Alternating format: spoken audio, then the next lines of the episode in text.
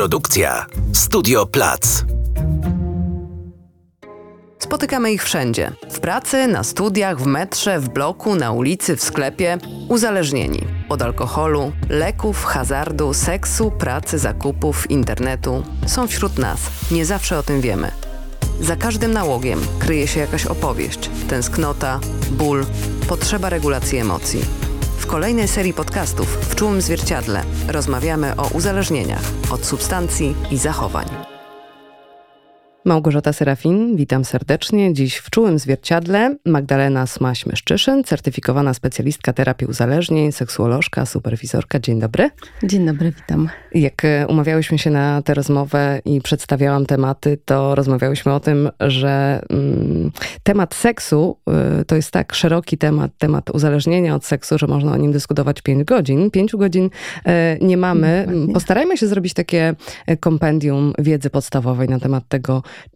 czym jest i czy jest w ogóle uzależnienie mm, od seksu, bo tutaj też, y, jak przeczytałam, trwa spór w środowisku lekarskim, czy to jest uzależnienie, czy jeszcze nie można tego nazwać uzależnieniem. I rzeczywiście w tych klasyfikacjach, w DSM i w ICD jest trochę inaczej. Jaki jest stan na chwilę obecną, taki najbardziej oficjalny? E, oficjalny stan e, jest taki, że mamy kompulsywne zachowania seksualne i w ICD-11 stało się to oficjalnie e, diagnozą i zaburzeniem. Ono się mieści w kategorii zaburzeń kontroli impulsów. Natomiast nie ma zgody wśród naukowców, badaczy co do tego, żeby to było określane jako uzależnienie, bo jednak mechanizmy uzależnienia i mechanizmy kompulsywnych zachowań są nieco inne. W związku z tym też trudno mówić o uzależnieniu w kontekście rzeczy, które są nam potrzebne do przetrwania i które są podstawowymi potrzebami fizjologicznymi, takimi właśnie jak seks, jedzenie. I e, też e, chociażby na podstawie tego, że te metody, które my stosujemy w leczeniu uzależnień i które wiemy, że są skuteczne u wielu pacjentów e, związanych właśnie uzależnionych, to w przypadku pacjentów kompulsywnie uprawiających seks czy kompulsywnie masturbujących, się, one się po prostu nie sprawdzają. Natomiast sprawdzają się tam zupełnie, zupełnie inne rzeczy. Mm, a jest coś takiego wyraźnego? Czym się różni kompulsywność od uzależ uzależnienia? Czy tylko chodzi o metody terapii, które się sprawdzają, które się znaczy, nie sprawdzają? Przede wszystkim to jest kwestia tego, co się dzieje w naszym mózgu, całej chemii mózgu, e, aktywności e, mózgu i tego, e, które obszary najbardziej reagują. I tutaj w przypadku nagród w badaniach wiemy, że to jest bardzo, bardzo podobnie. Natomiast to jest też tak, że tutaj mamy w przypadku kompulsywnych zachowań seksualnych i teraz musimy, musimy je podzielić na trzy grupy. E, głównie w przypadku o kompulsywnych zachowaniach, i to też wynika jakby z moich e, badań, które robiłam do doktoratu właśnie, e, że tutaj chodzi przede wszystkim o kompulsywną masturbację. I to, co wiemy i to, co się sprawdza, to jest to, że tam występuje bardzo wysoki poziom lęku. To jest, jak mamy skalę określającą poziom lęku, to ten poziom lęku nie jako stanu, który jest teraz, tylko jako cechy stałej tej osoby jest na bardzo, bardzo wysokim poziomie. E, I bardzo często w przypadku kompulsywnej masturbacji jest tak, że samo obniżenie już poziomu lęku powoduje zmniejszenie częstotliwości masturbacji. E, do tego też bardzo często e, u młodych osób kompulsywnie masturbujących się dochodzi do ogromnych trudności z umiejętnościami społecznymi. To są osoby, które często przychodzą na terapię, bo odkrywają, że masturbują się od 10-15 lat. Czasami, jak pytam się od kiedy, to mówią, wie pani co, odkąd pamiętam. Pamiętam, że na przykład e, masturbowałem się w jakimś e, określonym miejscu i wiem, że jak miałem 7 lat, to się stamtąd wyprowadziliśmy, więc musiałem mieć mniej lat wtedy. Więc bardzo często to jest tak, że ta masturbacja zaczyna się bardzo szybko i jest sposobem rozładowania napięcia. Dlatego, że e, często, zwłaszcza u mężczyzn, dlatego też to jest zaburzenie, które dotyka głównie mężczyzn. Mówimy, że około 90% osób dotkniętych kompulsywnymi zachowaniami seksualnymi to są właśnie mężczyźni. I bardzo często jest tak, że samo dotykanie członka sprawia e, ulgę i rozładowuje emocje. To możemy bardzo często zaobserwować, wiem, jak mamy dziecko w przedszkolu i idziemy na przedstawienie i widzimy, jak te dzieci, zwłaszcza chłopcy, cały czas właśnie szczypią się, dotykają. Ale to jest etap rozwojowy, tak? Tak, to jest etap mhm. rozwojowy. I to jest w ogóle zdrowe i jakby tutaj nie ma żadnych to jakby w tym nie ma nic absolutnie złego. A czy rodzice mają do tego zdrowe podejście? E, no właśnie, moje doświadczenie jest różne, więc e, część rodziców się przeraża. E, też byłam czasami na takich przedstawieniach w przedszkolu, gdzie widziałam, że panie kazały chłopcom ręce trzymać z tyłu, albo cały czas tylko im dawały sygnały, żeby się nie dotykali.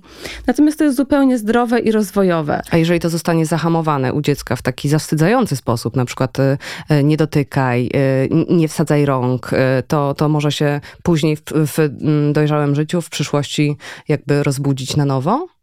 E, to jest raczej tak, to przyczynek że może być wtedy, do... E, raczej to jest przyczyna do tego, że e, pojawiają się różnego rodzaju trudności seksualne, takie poczucie, że seks jest czymś wstydliwym, albo że seks to można tylko uprawiać na przykład będąc w związku, albo idąc dalej w związku małżeńskim już tylko i wyłącznie. I tworzą się różnego rodzaju zahamowania w obrębie właśnie naszej seksualności.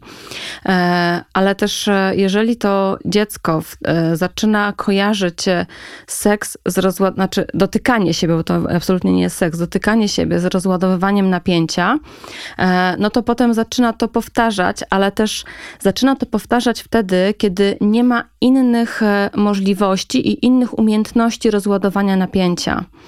Bo bardzo często to jest tak, że jak dzieci mają różne sposoby i wiedzą, i w rodzinie, tak, mamy różne sposoby radzenia sobie z napięciem, no to możemy o tym porozmawiać, możemy poczytać, możemy mieć bajeczkę, nie wiem, mamy takie specjalne e, smutkozjadki dla dzieci, z którymi takie pacynki, z którymi mogą rozmawiać. E, no jakby mamy mnóstwo, mnóstwo metod na to, żeby no, to mamy, napięcie to rozładować. Dziś, a kiedyś y, tego nie było. I... Tak, ale teraz też jest mhm. tak, że y, y, pomimo tego, że mamy bardzo dużo metod, to rodzice tych metod nie znają, bo albo nie zostali ich nauczeni i że jak my się obracamy w tych metodach, to e, jakby wiemy, że są ludzie, którzy je stosują, to trochę musimy też pamiętać, że my jesteśmy w pewnego rodzaju bańce, e, która wśród ludzi, która się nauczyła tego, ale jak wyjdziemy spoza naszej bańki, to okazuje się, że to tak wcale nie jest, tak, że, że ludzie potrafią i że wiedzą, e, że to jest trochę tak, że no, nie wolno się złościć, bądź grzeczny, bądź grzeczna.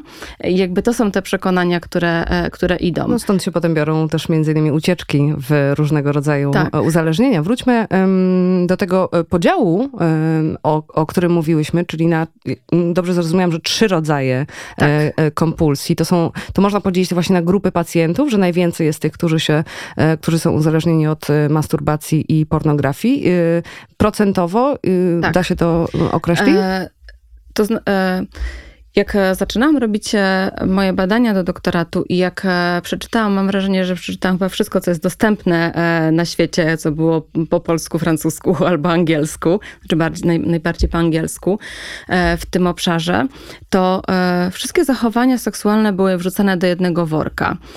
I te badania raz nam wychodziły, raz nie wychodziły. W jednej grupie te wyniki wychodziły, że na przykład mamy wysoki poziom lęku, a drugie, że mamy wysoki poziom impulsywności. I bardzo trudno się było e, w tych e, wynikach e, trochę odnaleźć i wiedzieć, dlaczego tak jest.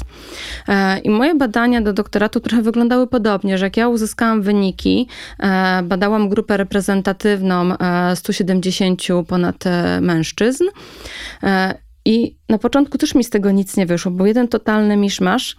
E, I potem, jak zaczęłam sobie myśleć o moich pacjentach, e, to pomyślałam sobie, że ja ich widzę w takich właśnie trzech różnych grupach, że są ci, którzy się masturbują, są ci, którzy mają przygodne kontakty seksualne. To ci z zaburzeniami więzi tak. E, i przywiązania, tak? Tak. I są ci, którzy mają i jedno, i drugie, trochę w zależności, co jest, mówiąc w skrócie tak myślowym, dostępne pod ręką. Czyli ci z zaburzeniami kontroli impulsów, że pojawia tak. się ten impuls, napięcie i trzeba go rozładować tak, tu i teraz natychmiast. Dokładnie. I jak myślałam sobie o tych właśnie trzech grupach moich pacjentów, to dokładnie w ten sposób, sam sposób podzieliłam moje, moją grupę badawczą. I okazało się, że jak zaczęłam sprawdzać grupę badawczą we w tych wszystkich pozostałych badaniach, które na świecie były robione, to tam, gdzie był wysoki poziom lęku, to tam badano osoby e, masturbujące się kompulsywnie. Tam, gdzie, wychodziła, tam, gdzie wychodził wysoki poziom impulsywności, to w tych badaniach badano właśnie e, głównie osoby, które mają wszystkie zachowania seksualne, te, które żadne są dostępne. nie jest dominujące, tak? Żadne tak? nie jest dominujące. To, co jest pod ręką. Przygodne kontakty seksualne, płatne kontakty seksualne, przymuszanie do zachowań seksualnych w związku, masturbacja, i wszystkiego było, e, I wszystkiego było bardzo dużo. E, I te osoby, które mają właśnie przygodne kontakty e, seksualne, i tam się sprawdziło zaburzenie więzi. I jak sprawdziłam to potem w tych moich grupach, to dokładnie, jakby dokładnie to się okazało. I też jak na przykład mieliśmy projekt lekowy, gdzie sprawdzaliśmy, jakie metody farmakoterapii mogą być tutaj przydatne, no to okazało się, że też u tych pacjentów kompulsywnie masturbujących się właśnie najbardziej się sprawdza e, te leki, które obniżają u nich poziom lęku.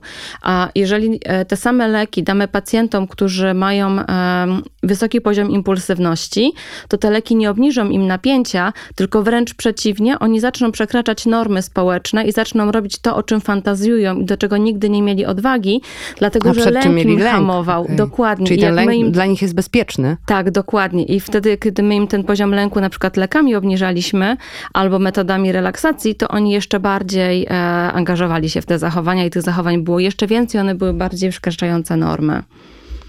I w zależności od tego teraz e, właśnie, którą grupę mamy i jakiego rodzaju mamy zachowania, to tak ta diagnostyka też wygląda. E, I to jest niezmiernie istotne, bo tak potem wygląda leczenie. Bo jakby do każdej grupy mamy zupełnie inny model leczenia i inny model terapii tych pacjentów. Ale to podstawą jest terapia poznawczo-behawioralna? Rzeczywiście, e... jeżeli chodzi o te zaburzenia lękowe właśnie i, y, y, znaczy, I tak. to skąd się ten problem bierze? E, to, co się sprawdza, to e, część osób będzie mhm. stosowało terapię poznawczo-behawioralną. E, ja akurat nie, nie jestem psychoterapeutą poznawczo-behawioralnym, nie, nie pracuję w tym nurcie. Stosuję czasami niektóre z, z tych metod. Natomiast ja pracuję systemowo, głównie pracuję też w nurcie eriksonowskim, jestem po psychoterapii eriksonowskiej, więc pracuję dużo na zasobach, na metaforach, na tym, co pacjent już posiada, ale też to, co zawsze na początku robię, e, to ja e, pracuję z wykorzystaniem mindfulness e, z tymi pacjentami i my też to wiemy po badaniach, które chociażby właśnie z profesorem Holasem prowadził zespół hiperseksualność.pl, że faktycznie jest tak, że sama, samo mindfulness, czyli praktyka uważności, zmniejsza intensywność zachowań masturbacyjnych. Dlatego, że jak zmniejszymy lęk, no to nie ma potrzeby aż tak e, kompulsywnego radzenia sobie e, z tym lękiem. Więc tutaj bardzo często tych pacjentów w ogóle jest około, wśród wszystkich pacjentów e, z kompulsywnymi zachowaniami seksualnymi, bo tam są te trzy grupy w, w, w tej diagnozie, ponad 60, prawie 70% pacjentów to są pacjenci kompulsywnie masturbujący się. To są też bardzo często osoby, które nie mają umiejętności społecznych w ogóle. Sporo moich pacjentów, którzy przychodzą na terapię, mówią, e, że no, chcieliby nawiązać relacje, chcieliby wejść w relacji, bo e, te relacje były albo bardzo krótkotrwałe, albo w ogóle nie potrafili jeszcze wejść w relacje, mają 20 parę, 30 parę lat. E, no i nagle okazuje się, że oni w ogóle nie wiedzą, jak to zrobić, bo w momencie, kiedy wszyscy chodzili na randki i spotykali się w okresie nastoletnim, w okresie początków studiów, to oni tak naprawdę oglądali pornografię i masturbowali się do tej pornografii. No właśnie, czy rozwój tego przemysłu pornograficznego, który można zaobserwować od Y, lat y, wpłynął na y, intensywność tych, intensywność i wzrost liczby pacjentów, którzy mają problem z kompulsywnymi zachowaniami seksualnymi. Ta dostępność pornografii, darmowość, wybór niemalże, jakby wszystko, wszystkie filtry można sobie poustawiać, tak?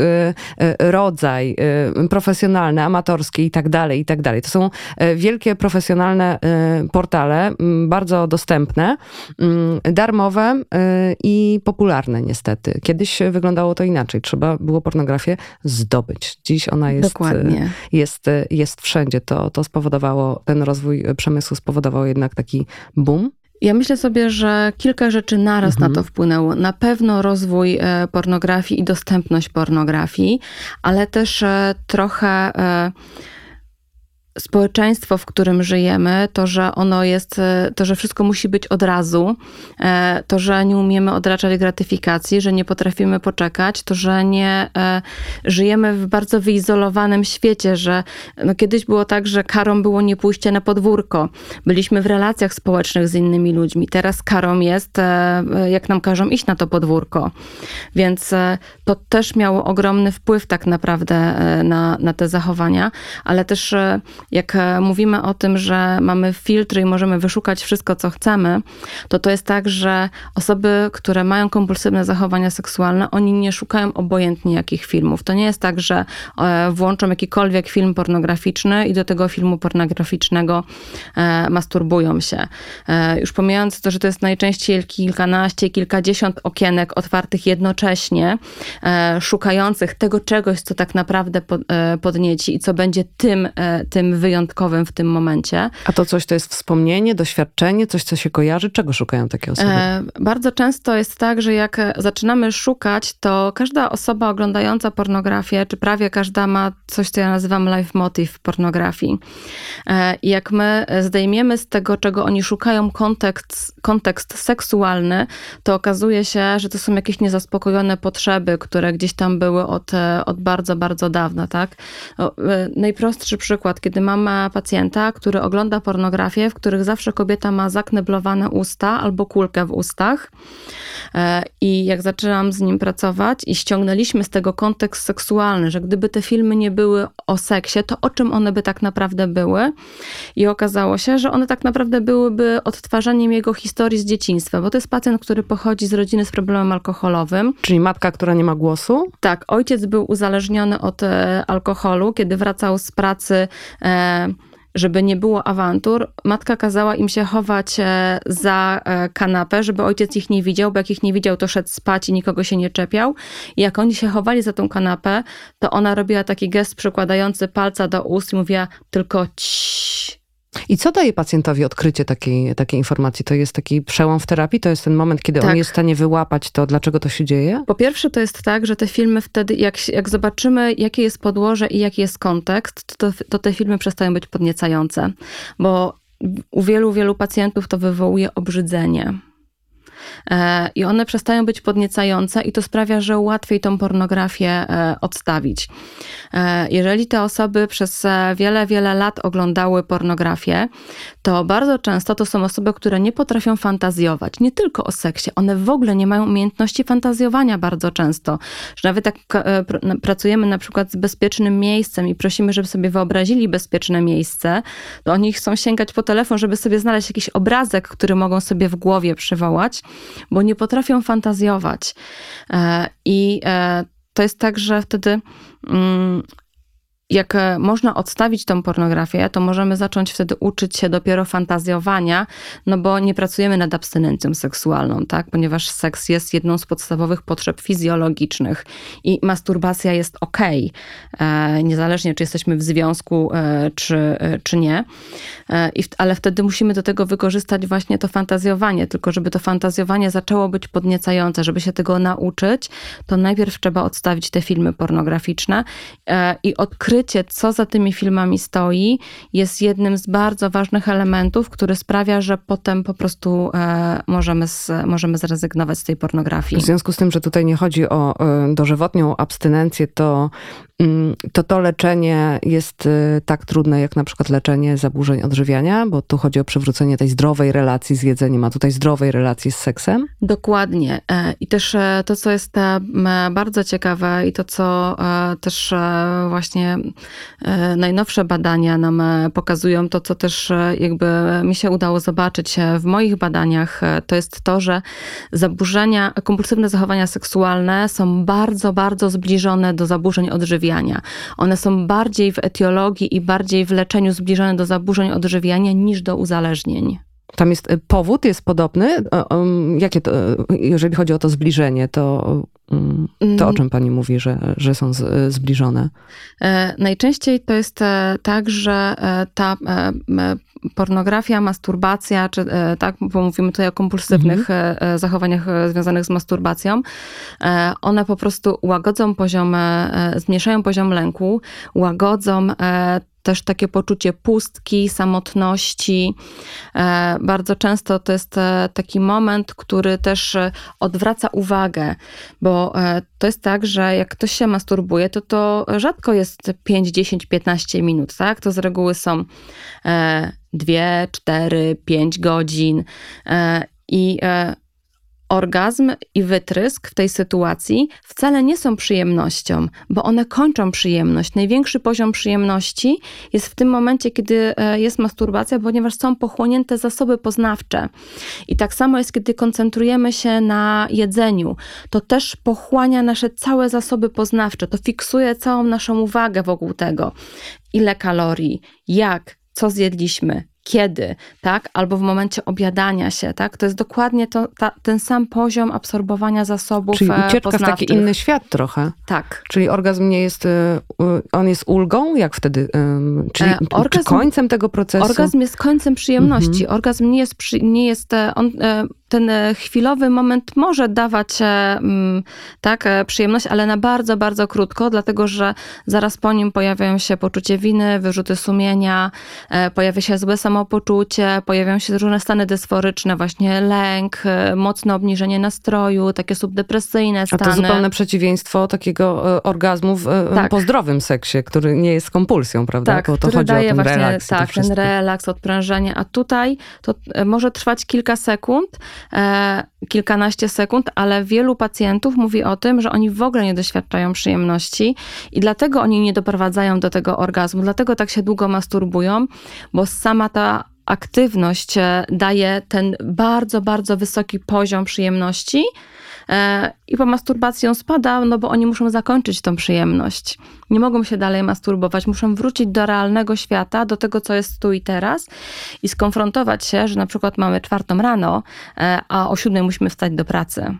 Mm, to wszystko dzieje się w, y, pod osłoną nocy albo w tajemnicy przed y, y, najbliższymi, jeżeli ktoś jest w relacji, jeżeli ktoś na przykład jest w relacji partnerskiej, w małżeństwie, a inaczej to szybciej, chodzi mi o to, czy szybciej jakby mm, i pacjent, i partner pacjenta, bądź partnerka pacjenta może zauważyć, że coś jest nie tak, niż jak jest się samemu i wtedy pacjent nie zwraca tak uwagi na to, że okej, okay, może już jest za dużo, zbyt intensywnie, zbyt dużo czasu i myśli mi to pochłania.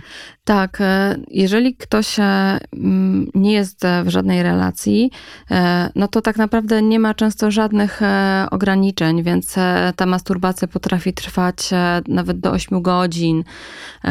Ona też dzieje się o wiele, wiele częściej, bo jest więcej możliwości po prostu. Natomiast no, pacjenci też mówią, że na przykład oni czekają na ten moment, aż wrócą z pracy i będą mogli zacząć się masturbować. Natomiast w przypadku, kiedy jesteśmy w relacji, to z reguły dzieje się e, albo e, gdzieś tam właśnie w, w toalecie, albo w pracy, e, tak, wtedy kiedy nikt nie widzi, albo kiedy druga osoba położy się spać. E, I wtedy tak, e, no, też jakby trochę mm, w cudzysłowie to mówię, ale prowokują takie zachowania, żeby ktoś właśnie położył się spać, żeby mieć e, w końcu ten czas, że oni jeszcze chwilę zostaną. Mam pacjentów, którzy kładą się spać razem z osobą, z osobą partnerską i jak ona uśnie, to po cichu wstają i idą, siadają do komputera.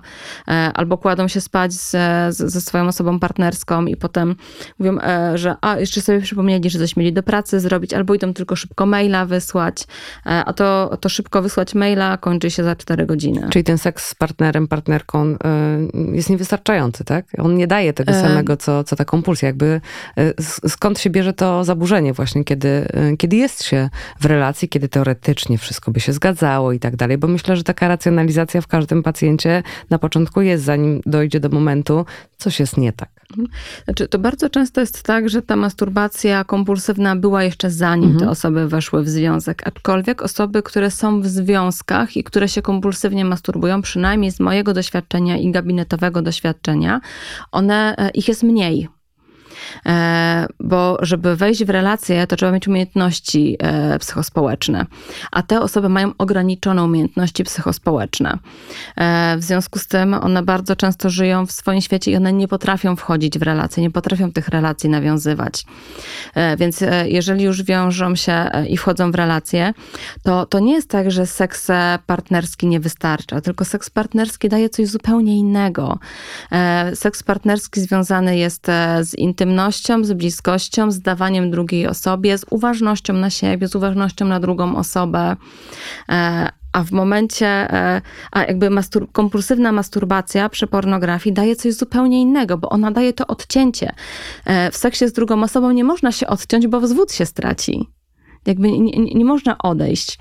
E, są osoby, które uprawiają seks e, partnerski, e, kompulsywnie masturbujące się, ale raczej to są wszystkie pozycje od tyłu, dlatego że oni po prostu zamykają oczy i wyobrażają sobie scenę z filmu i trochę uprzedmiotawiają tą drugą osobę, e, tak, e, no bo traktują ją jako tak naprawdę substytut ręki.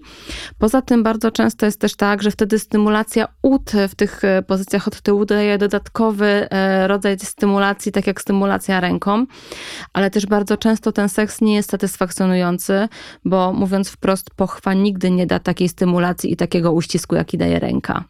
Więc tutaj dochodzi też do uwarunkowań masturbacyjnych, bo to jest tak, że oni mają swój sposób masturbacji, swoją siłę masturbacji i, i nawet jeżeli to druga osoba pieściłaby e, mhm. ręką bądź ustami członka, to ona nie da takiego poziomu stymulacji, jaki ten pacjent sobie zapewnia podczas e, mm, masturbacji samodzielnie. Mm, dużo mniejsza e, grupa pacjentów to ci z zaburzeniami więzi i przywiązania, gdzie zdarza się seks przypadkowy albo z nieznajomą osobą, albo płatny, tak? Tak.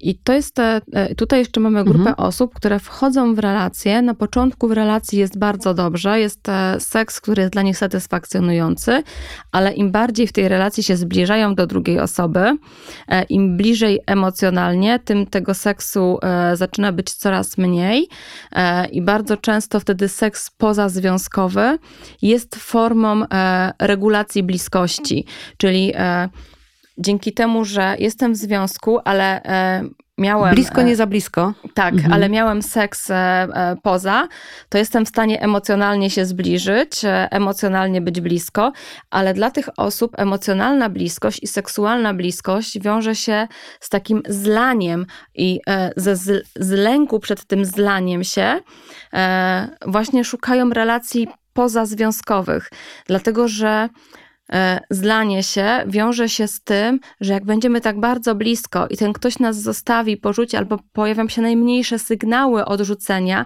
czasami nierealne, ale w naszej głowie, to lęk przed, przed porzuceniem jest tak ogromny, że te osoby nie są sobie w stanie z tym lękiem przed odrzuceniem poradzić i w ten sposób regulują tą bliskość. Albo też wchodzą w relacje równoległe na wszelki wypadek, jak tutaj się coś by zadziało e, i zostałbym, e, czy zostałabym odrzucona, bo tutaj też e, pojawiają się kobiety, no to łatwiej będzie wtedy sobie z tym wszystkim poradzić. A to nie dotyczy właśnie częściej kobiet? Jednak ta, ta forma ewentualnego e, mhm. zaburzenia, jeżeli chodzi o sferę seksualną, właśnie ten lęk przed mhm mhm. przed, e, przed bliskim związkiem. E, tutaj jest e, spora część kobiet, natomiast też nie jest większość. Tu jest mhm. też dużo mężczyzn mających właśnie też w ogóle tylko przygodny albo płatny seks, bo ten lęk przed bliskością jest tak ogromny, on jest wprost proporcjonalny do potrzeby bliskości.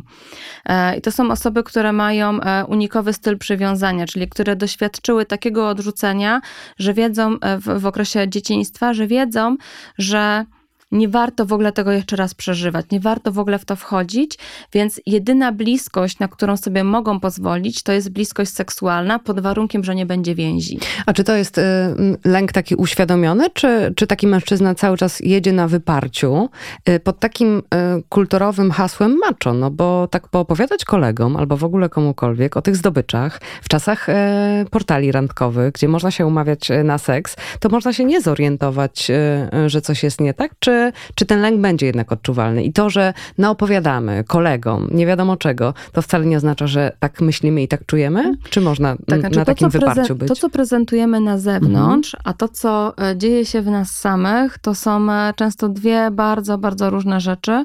E, I my też mamy taką maskę trochę przed wrażliwością, przed bliskością, bo to jest mm, też to, co już dawno temu mówiła Brené Brown, że wstyd który tutaj jest bardzo, bardzo duży e, i oczekiwania społeczne od mężczyzn, że oni mają być jacyś. e, że e, z jednej strony chcemy, żeby byli wrażliwi, uważni, ale, ale z drugiej męscy. strony, jak taki, taki mężczyzna, z którym jesteśmy w relacji, zaczyna być wrażliwy, uważny, zaczyna płakać, albo zaczyna się wstydzić, albo mówi o, twoi, o swoich trudnościach albo słabościach, no to już nie jest z tym przyjmowany tak? To mówi, trochę ogarnij się, ile możesz mieć gorszy dzień. Poza tym jesteś mężczyzną, masz być silny i on też to tak. słyszał w dzieciństwie, tak? Chłopaki nie płaczą, facet Bardzo ma być często. silny. Tak, albo że różne rzeczy, e, już mówiąc najdelikatniej, są e, dziewczęce, albo że im nie wypada różnych rzeczy robić, e, albo że gdzieś tam właśnie, e, no jakby do tej pory e, badania nad wstydem, który też jest związany z właśnie z zaburzeniami e, bliskości i więzi i zachowaniami seksualnymi, mówi o tym, że właśnie taką, naj, taką największą obelgą, którą mają, dostają mężczyźni niezależnie od wieku, to jest nie bądź cipką. Tak, bo mogą to usłyszeć i od facetów, i od kobiet. Dokładnie. E, a to jest takie bolesne dla mężczyzn usłyszeć coś Dokładnie, takiego. Dokładnie, więc zamiast e, doświadczyć tego zranienia, żeby tego nie przeżywać, jakby w ten sposób sobie radzą i w ten sposób regulują po prostu. Kiedy oni przechodzą? Kiedy zaczynają się leczyć? E, wtedy, kiedy e, zaczyna im bardzo zależeć na relacji, mówimy teraz głównie o, teraz mówię o osobach e, z zaburzeniami bliskości więzi. Wtedy, kiedy są w relacji, ale druga osoba zaczyna nalegać na zamieszkanie razem, na małżeństwo, na dziecko, no bo jesteśmy ileś lat już razem, ale oni cały czas jeszcze właśnie to, to też jest taki sposób na regulowanie. I jak zaczynają widzieć, że E, że, że, że druga strona nalega, że coś się zaczyna takiego dziać, albo zaczynają doświadczać samotności, zaczynają jeszcze bardziej, zaczynają się konfrontować z tą samotnością.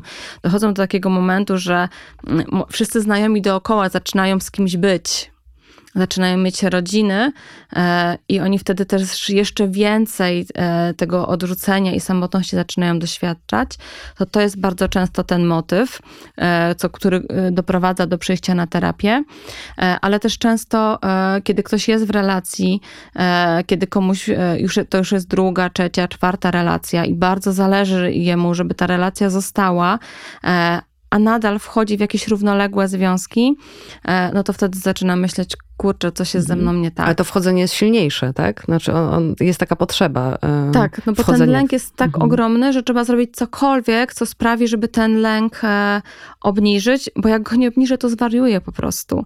E, I jak e, my mówimy o, e, często słyszymy, że no jakbym się miał od czegoś uzależnić, to od seksu, no to to jest jakby najgorsze, co możemy tak naprawdę e, usłyszeć i to jest jedno z najtrudniejszych uzależnień, bo E, znaczy nie uzależnień, mhm. tylko jedno z najtrudniejszych jakby rzeczy, które nas, czy zaburzeń, które może nas doświadczyć, dlatego, że ja to często tłumaczę pacjentom, że to jest tak jak z ugryzieniem komara, że jak ugryzie nas komar i bardzo swędzi i zaczniemy się drapać, no to to nam daje ulgę, ale chwilę, czy to jest przyjemność? Nie, no, nie, no po komarze jest na chwilę, tak? No, no musimy, roz, no, no można nie drapać. Dokładnie. I to jest Wypadałoby nie drapać I, i racjonalnie tak. wiemy, żeby nie drapać, ale drapiemy. I to jest dokładnie mhm. tak samo jak z kompulsywną masturbacją i z kompulsywnymi zachowaniami seksualnymi. Ale to mm, też występuje w takich sferach żartów, uzależnione od seksu, właśnie, że, że o tym seksie tak bardzo nie umiemy rozmawiać, że się e, naśmiewamy, wyśmiewamy, że e, szpanujemy albo unikamy. No są, są żarty i tak dalej.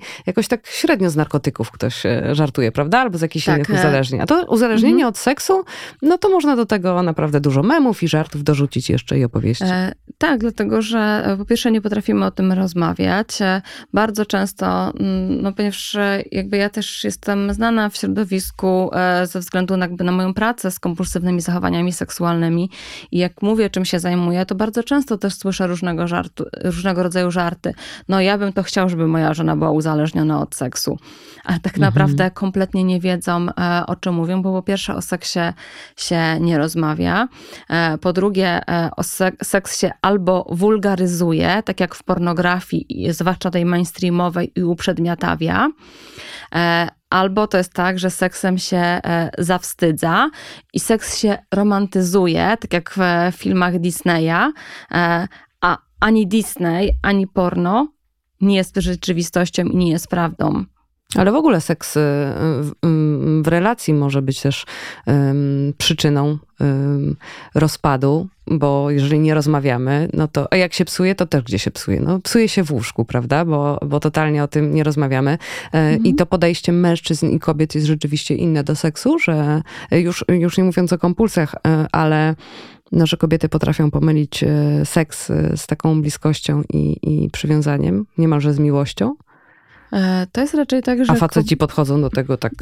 To, trochę to jest taki stereotyp, mhm. E, że to tak jest, bo bardzo często jest tak, że kobiety też um, pragną seksu i chcą mieć satysfakcjonujący seks, ale z lęku przed, wtedy, kiedy nie mają ochoty na seks albo na taki seks, to z lęku przed odrzuceniem zgadzają się.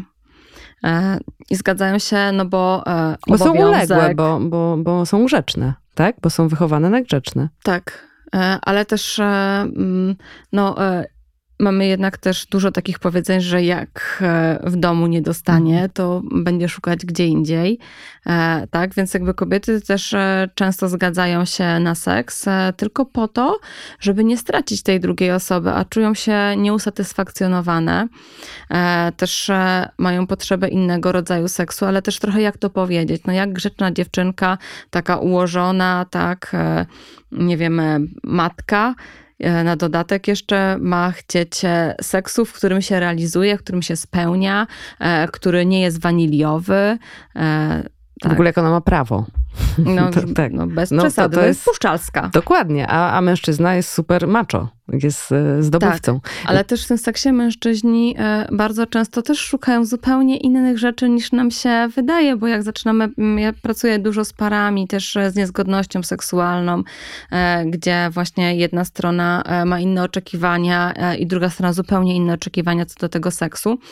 I bardzo często też ci mężczyźni mówią, że ale mi nie chodzi o stosunek często, chodzi o bliskość, o zapach, o rozmowę, o intymność, o miłość, e, o uwagę, że to nie tylko chodzi o rozładowanie seksualne. A skąd my mamy wiedzieć, co to jest intymność i bliskość, jak, jak nie znamy tych stanów, nie znamy tych emocji, nie było tej, e, tej bliskości e, w dzieciństwie, mm. nikt nas tego nie nauczył na przykład. No, dokładnie.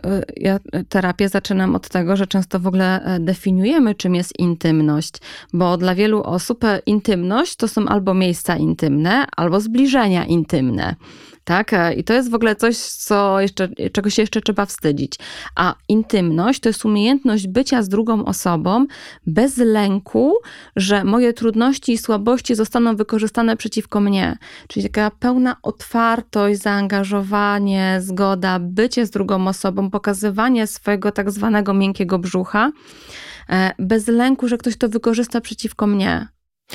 Te kompulsywne zachowania seksualne, one lubią się łączyć z innymi uzależni uzależnieniami, jeżeli chodzi o, o, o, mężczyzn. Może to iść w takim pakiecie, że tam jest i hazard, i alkohol, i narkotyki, i seks?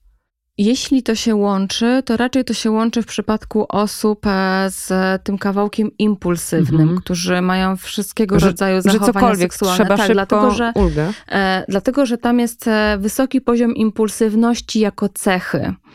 E, I ta impulsywność będzie się przejawiała we wszystkich zachowaniach tych osób i w seksie, i w szybkiej jazdzie samochodem, i w sportach ekstremalnych, i w hazardzie, i w różnych ryzykownych zachowaniach, i wchodzenia w konflikty. Więc tam będzie bardzo, bardzo dużo. E, I tu najważniejsza jest ta impulsywność, ta cecha impulsywności, i tak. nad tym się pracuje? Tak, e, i tutaj w ogóle pracujemy też zupełnie inaczej, dlatego że tu jest bardzo wysoki poziom impulsywności. Czasami to są osoby e, ADHD, które gdzieś tam nie zostało, nie zostało rozpoznane. Natomiast tam pracujemy tak, żeby nauczyć odraczania gratyfikacji, nauczyć czekania. E, jak my mówimy o tym, że mamy jakiś cel długoterminowy terapii i coś ma się wydarzyć za rok, to to jest tak abstrakcyjne dla osoby impulsywnej, że ona nie jest sobie w stanie tego w, w ogóle e, wyobrazić. Jak my mówimy o konsekwencjach jakichś działań, e, to to generuje jeszcze większy poziom impulsywności tak naprawdę u tych osób i to nie jest coś, co motywuje do zmiany bo tam koncentracja na pozytywnych aspektach, e, koncentracja na tym, jakie zyski będę mieć z zaprzestania tego działania, strategia małych kroków, e, bardzo jasne sesje terapeutyczne, gdzie mamy podsumowanie tego, co się zadziało na ostatniej sesji, kawałek tego, e, nad czym pracujemy teraz, podsumowanie na koniec, cel na jedną sesję. Więc to jest też zupełnie, zupełnie inny rodzaj pracy i uczymy kontroli impulsywności w ogóle w życiu, nie tylko w kontekście seksu. To mm, generuje chyba gigantyczne napięcie, jeżeli się ma taką impulsywność, y, a, a trzeba wykonywać małe kroki. No właśnie, małe kroki są bezpieczne wtedy, bo e, małe, w małych krokach umawiamy się, że okej, okay, to teraz tylko ten kawałek, tak? Nie zabieramy wszystkiego, nie mówimy, że teraz nagle nic nie będzie, tak? To umawiamy się tak, że w tym tygodniu e, nie będzie mieć pan e, przygodnego, przygodnego kontaktu seksualnego. Jak to mamy zrobić? Co panu pomoże, żeby nie było tego przygodnego kontaktu sek e, seksualnego albo płatnego seksu? I co może właśnie pomóc? Co mężczyźni mówią no, na przykład o tej Jeszcze więcej pracy? Jeszcze więcej nie, pracy? Czy jednak myśli o tym. Mhm. E, duża część moich pacjentów impulsywnych e, nie przychodzi na sesje e, stacjonarne, tylko korzysta z sesji online, dlatego że ja mieszczę się, mój instytut mhm. mieści się na skrzyżowaniu Marszałkowskiej i Alei Jerozolimskich. I tam jest bardzo dużo ulotek i klub nocny, więc dla nich to, że oni przyjadą na sesję w centrum miasta, gdzie jak wyjdą, będą mieć za szybę ulotkę z klubem ze, ze striptizem mhm. albo agencji towarzyskiej, jest takim bodźcem pobudzającym, że oni nie są w ogóle w stanie tego e, przeżyć. Więc to jest bezpieczne unikanie? Czy... Na początku mhm. tak, tak, bo na początku e, wszystkie rzeczy, które pomagają na mhm. początku, są dobre. No, chyba, że pacjent się samo okaleczy mhm. albo robi sobie krzywdę, albo innym krzywdę. Natomiast wszystkie inne strategie, które działają, to jak ktoś, na, jak ktoś nie ma nic, robił to przez wiele lat, to wszystkie strategie, które działają, to dobre strategie. E, I wtedy jest tak, że właśnie e, jak to zorganizować, żeby nie było takich, e, takiego kontaktu, tak? Na przykład e, nie zostaję, e, jadę do pracy poza Warszawą, więc nie zostaję w hotelu, tylko wracam do domu, tak? Jak wychodzę z pracy, to żeby nigdzie nie pójść, dzwonię do partnerki, partnera, że wychodzę właśnie z pracy, wsiadam do auta, będę za 20 minut. Tak, takie bardzo, bardzo proste rzeczy przekierowanie tej mhm. impulsywności na to, co jest e, bezpieczne. Na przykład e, ja bardzo często polecam e, zapisanie się na przykład na boksę pacjentom, dlatego że tam są w stanie wyładować to, a jednocześnie boks uczy pokory. E, podporządkowania, e, małych kroków, ale też daje ten element właśnie wyładowania.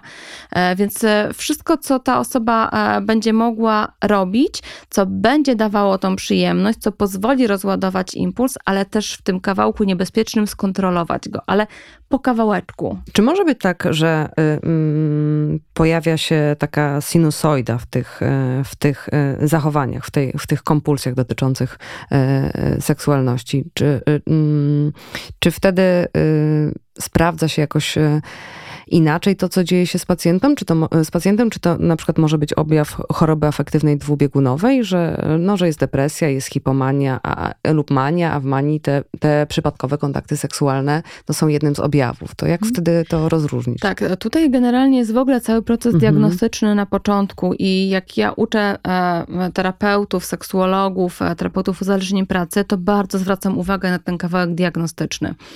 Jeżeli pacjenci przychodzą i mówią, że od wielu, wielu wielu lat tak mają e, i tak funkcjonują, to Tutaj z reguły e, tak e, raczej będą to czynniki psychologiczne, ale jeżeli pacjent przychodzi i mówi, że jego życie seksualne wyglądało, było satysfakcjonujące dla niego, że wszystko było w porządku i nagle od dwóch lat na przykład albo od jakiegoś czasu zaczyna się, zaczęło się to zmieniać, no to tutaj musimy zrobić pełną diagnostykę, bo to może być mania w chorobie afektywnej dwubiegunowej, to może być guz mózgu, to mogą być zaburzenia endokrynologiczne, to może być E, to mogą być e, różnego rodzaju e, choroby neurodegeneracyjne.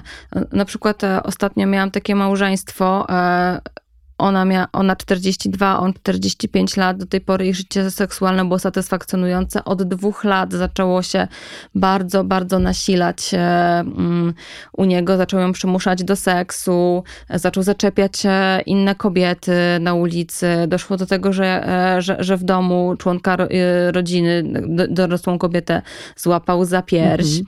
Mhm. No i e, wysłałam e, tego pacjenta na e, badania neurologiczne i okazało się, że to jest początek Alzheimera. Bo tutaj początki chorób neurodegeneracyjnych, czyli encefalopatię, czy uszkodzenia mózgu, neuroencefalopatię, encefalopatia przy kile, zaawansowanej, tak, czyli kiedy mamy neurokiłę, e, choroba e, Pika, tak, właśnie choroba Alzheimera, Cliviera BC, to będą wszystko zaburzenia neurologiczne, które też będą dawały w objawach utratę kontroli nad zachowaniami seksualnymi. A często jest tak, że to się w pewnym momencie, w pewnym etapie życia zaczyna aktywować i ta impulsywność zaczyna rosnąć? Czy, czy raczej właśnie ta, ta historia kompulsywnej masturbacji czy oglądania pornografii jest jest, y, jest od dużo młodszych lat. E, to jest, znaczy ja nie spotkałam mhm. pacjenta, u którego to by się pojawiło w dorosłym życiu. Mhm. Że e, jeżeli mamy kompulsywną masturbację i kompulsywną e, e, oglądanie pornografii do tego, to z reguły te kontakty są bardzo wczesne.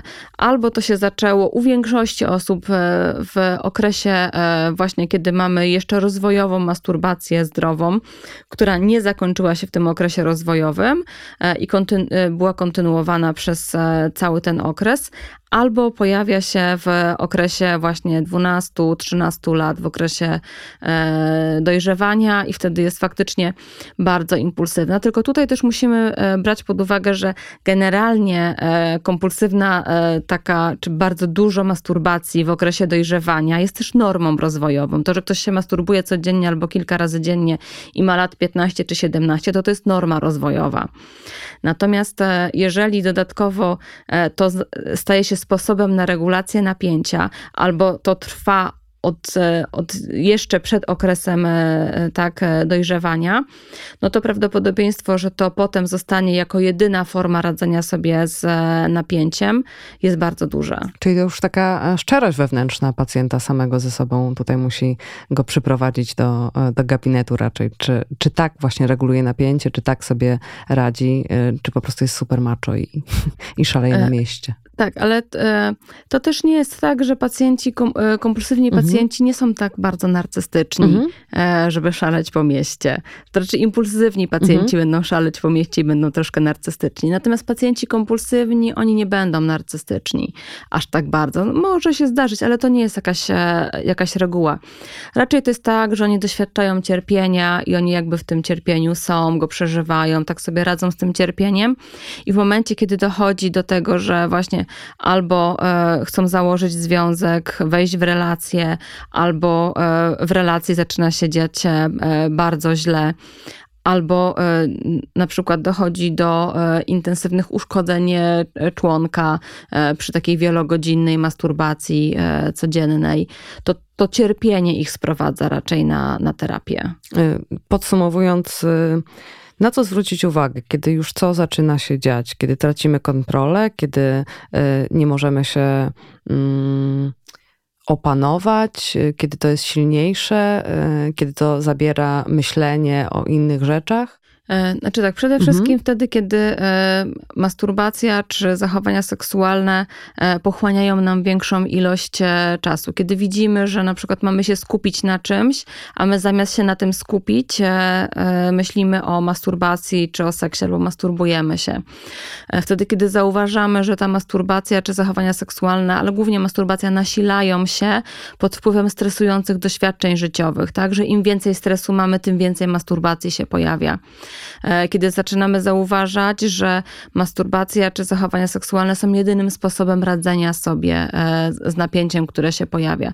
Kiedy zaczynamy ponosić konsekwencje w postaci na przykład utraty znajomości albo konsekwencje w pracy, no bo no można raz zarwać nockę, tak? No ale jak zerwiemy tą nockę przez miesiąc z rzędu, no to umówmy się, no jednak nasza efektywność w pracy zaczyna spadać. Więc jak zaczynamy ponosić konsekwencje i pomimo tych konsekwencji nadal e, masturbujemy się, nadal mamy e, te zachowania seksualne, no to wtedy warto zwrócić się e, na konsultację właśnie seksuologiczną i warto zwrócić się do kogoś, kto ma doświadczenie i kto ma przeszkolenie w pracy właśnie z pacjentami, bo teraz trochę mówienie w cudzysłowie o uzależnieniu od seksu jest modne. W związku z tym, że to jest modne, to bardzo dużo osób e, o tym e, mówi, bardzo dużo specjalistów też jakby zabiera głos. Tylko, że jak ja słyszę, jak oni opowiadają o swoich pacjentach, to ja wiem, że oni w życiu takiego pacjenta na oczy po prostu nie widzieli. Więc e, dobrze jest sprawdzić kwalifikację tej osoby, czy ona ma wiedzę seksuologiczną, czy ona ma wiedzę psychoterapeutyczną i do takiej osoby udać się właśnie na konsultację, bo musimy też zwrócić uwagę, że czasami pacjenci przychodzą na konsultację, bo partner, partnerka mówi, że e, no tego seksu to jest e, za dużo, a ta osoba po prostu ma wysokie potrzeby seksualne, które absolutnie nie są ani kompulsywne, ani nie są uzależnieniem. Więc to musi być ktoś, kto będzie potrafił po pierwsze takiego pacjenta poprowadzić, a po drugie będzie potrafił to rozpoznać i rozróżnić pomiędzy wysokim popędem seksualnym, który jest normatywny i który jest zdrowy, a właśnie e, wejściem już w kompulsję. Dziękuję bardzo. Dziękuję ślicznie. Dziękujemy za wysłuchanie podcastu. Wszystkie rozmowy cyklu w czułym zwierciadle znajdziesz na zwierciadło.pl oraz w serwisach streamingowych. Produkcja Studio Plac.